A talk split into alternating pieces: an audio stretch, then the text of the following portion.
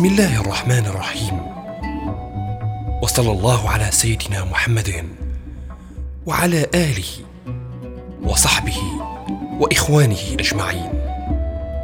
يسعدنا أن نقدم لكم مشاهد من سيرة الإمام عبد السلام ياسين رحمه الله.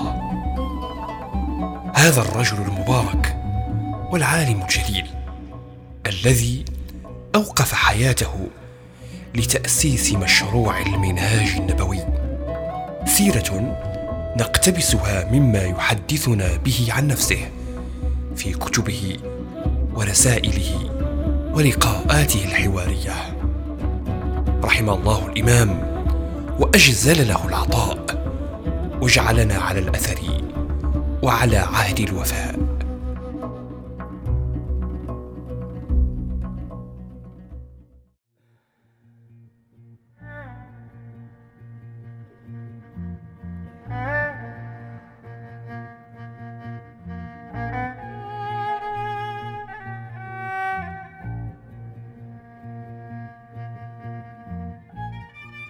كنت قد شارفت الأربعين. عندما تداركني الرؤوف الرحيم بالمؤمنين بهبة ويقظة فهام الفؤاد وغلب التفكير في المبدأ والمعاد. فوجدتني محمولا على الطلب مدفوعا إليه. كيف السبيل إليك يا رب؟ وعكفت على كتب القوم فما منهم إلا من صرفني للبحث عن الرفيق قبل الطريق. بمن أستنجد يا رب غيرك؟ وشككت وترددت أهو شرك مع الله. لكنني بعد أن استغرقت في العبادة والذكر والمجاهدة والتلاوة زمانا. تبينت أن طلب ما عند الله. هو غير طلب وجه الله. الأعمال الصالحة. إن كان فيها الإخلاص وقبلها الحنان المنان تنيل الجنان. لكن أي شيء يرفعني إلى مقامات الإحسان؟ وفسحات العرفان.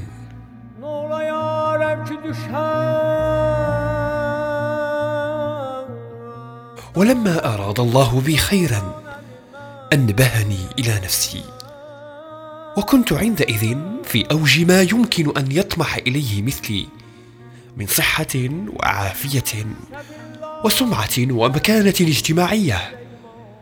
لم أكن أعلم شيئا عما يسمى بالأزمة الروحية كما وصفتها تجربة الغزالي مثلا. لكن حصل لي بأس من نفسي وتوقان لمعرفة الحقيقة عن وجودي. وكنت نشأت في عبادة الله وتلاوة القرآن منذ صباي فما أحد أحق بالاستغناء لما عنده مني. وكنت قرأت كتبا. فلما خلق الله تعالى الكريم في اضطرارا إليه التفت إلى الكتب استنطقتها. وعجت على أصحاب الرياضات المجوس. وهالني ما عندهم من خرق العادات ودرست كتبهم. لكن الله حماني من أن أميل إلى مذاهبهم بما سبق في علمه. واطلعت في تجاريب اليهود والنصارى الروحية. ثم رجعت إلى كتب الصوفية. أستقصيها وأنشد المفتاح الذي يفتح باب المعرفة. فوجدت أنهم رضي الله عنهم مجمعون على أنه من لا شيخ له فلا مدخل له في أمرنا هذا ويلحون على أن صحبة الميت لا تكفي. وكنت أنظر فيما كتبه بعض فطاحل العارفين. فلا أطيق الاستمرار في قراءتهم لغرابة ما ينطقون.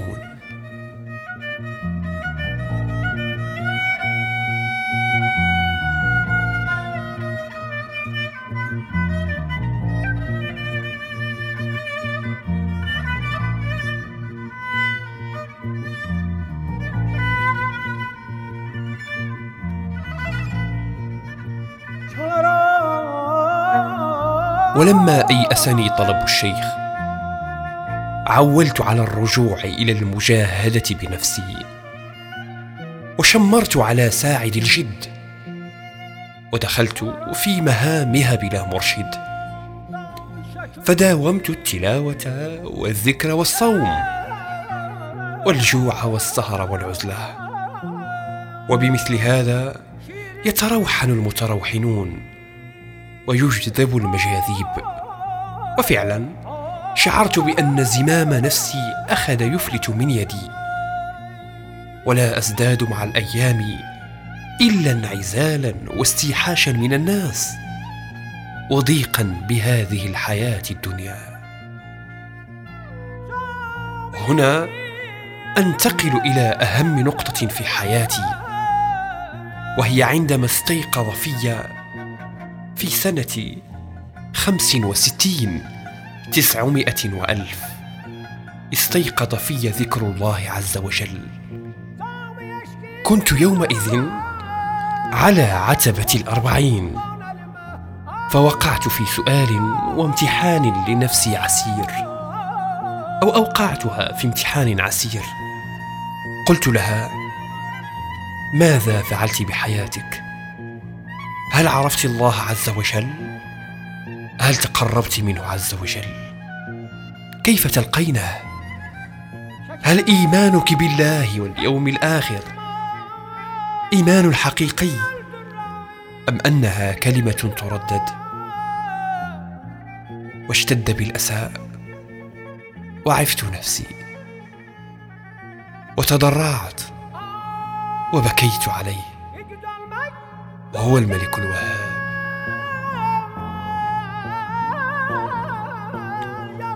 ولما قسى قلبي وضاقت مذاهبي وأظلم أفقي والصديق تجهما. وقفت إلهي تائبا متندما. ببابك أرجو أن أغاث وأرحما. وتفتح في وجهي السدود فأرتقي. وأصعد من متن العناية سلما.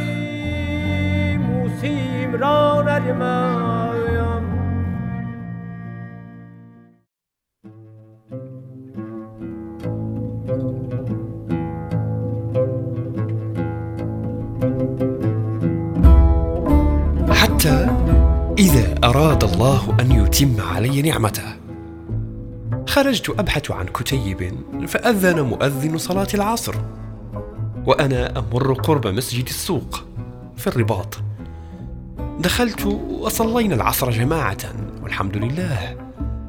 ثم سبحت وكنت يومئذ لا أفتر عن التلاوة وعن الذكر بشوق وفيضان قلب. وكنت قبل أن نبدأ في الصلاة وصلت إلى آية لم أتذكرها. فقلت أجلس مع الناس حتى أقرأ معهم الحزب. وتذكرت تلك الآية التي وقفت عندها. فقلت أبحث في المصحف لأصححها وأبحث عن الباقي. جلست أقرأ في المصحف فإذا بشاب جميل الصورة نقي يلبس لباسا اوروبيا وله لحية صغيرة. جلس عند المنبر في المحراب. وأخذ يعظ الناس. فقلت أستمع لهذا الشاب ماذا يقول؟ تكلم ما شاء الله حتى انتهى إلى النقطة التي أثرتها. فقال أيها الناس إذا كنتم ترغبون في القرب من الله ومعرفة الطريق إلى الله فلا بد لكم من رجل. فقلت في نفسي يا إنسان كنت تستعد لتذهب إلى أقصى الأرض لكي تبحث عن رجل فلعل هذا هو الرجل الذي تبحث عنه. ثم انتهى من وعظه وقام. فتبعته وقلت له تعال لنتحدث. سبحان الله. لقيت على غير ميعاد رجلا لم أكن أعرفه. نطق من دون أن أستنطقه. التقينا هكذا بمشيئة الله عز وجل في المسجد.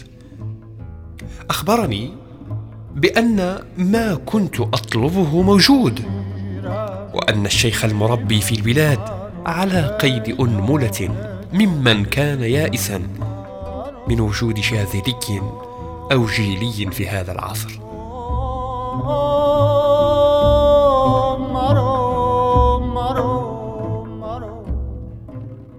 وفي سنة ست وستين تسعمائة وألف.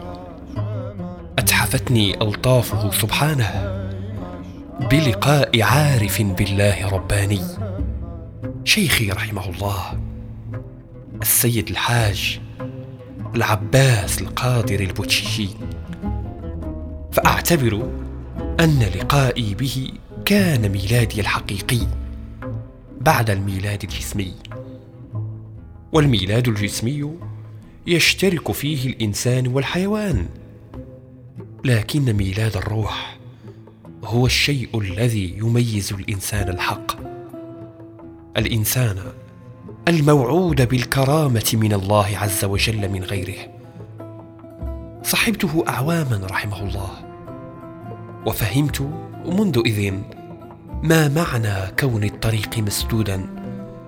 ولم هذه السدود وكيف اختراقها؟ وأين؟ ومتى؟ وأيان؟ لله الحمد والمنة ولأهل الله الناصحين خلق الله لا يخافون في النصيحة غير الله ولا يرجون غير الله. الشكر الخالص. لا إله إلا الله. محمد رسول الله.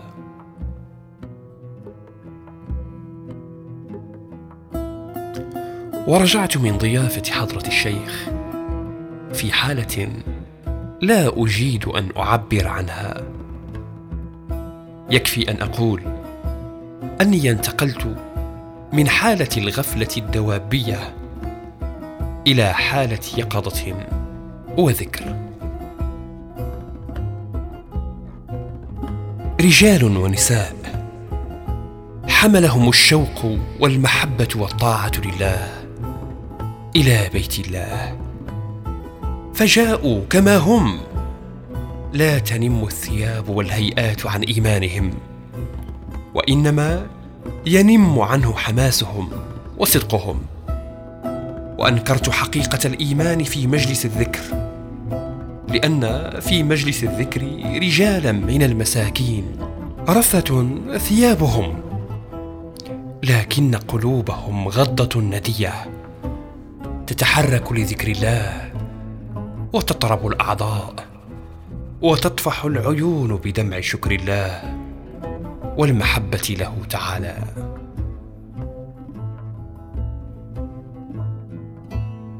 لما كنت مع هؤلاء السادة كانت نيتي لما علمت من أن ذلك الرجل المنور القلب يمكن أن يكون يعسوبا للتربية.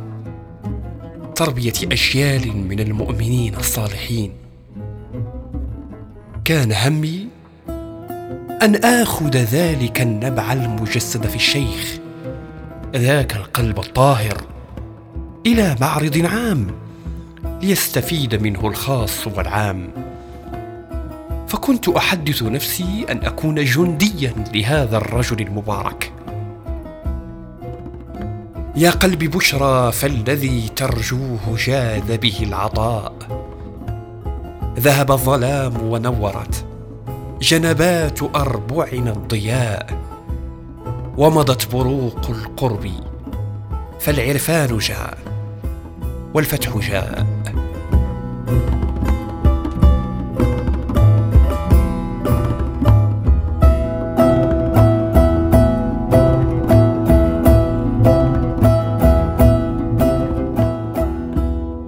شيخنا رحمه الله كان قليل الكلام. كلمته إلينا دائما وما أتاكم الرسول فخذوه وما نهاكم عنه فانتهوا.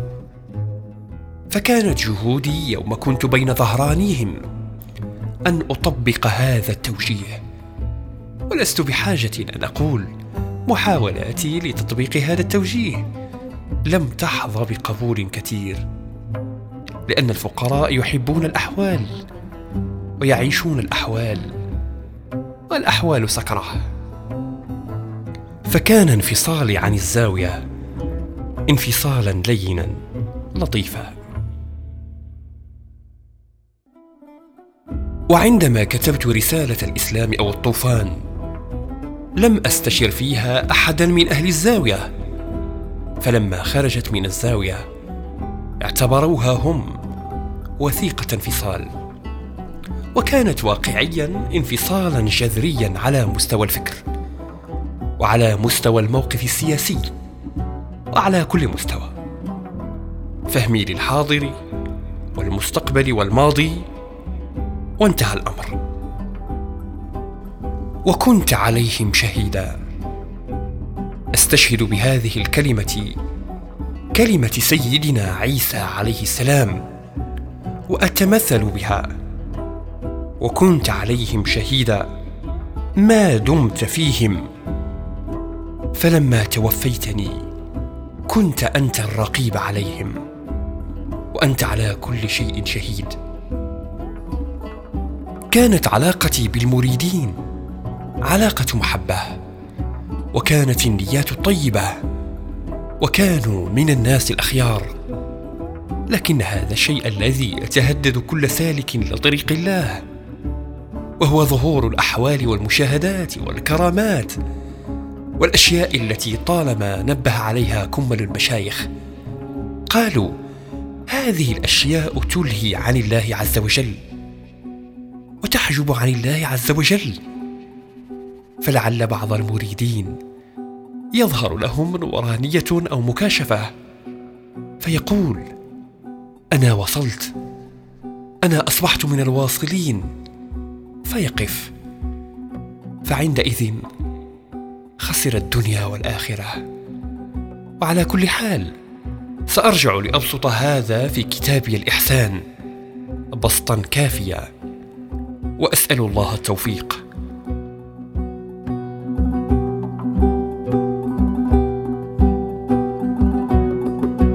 سمعنا نداء الحق والحق ذائع.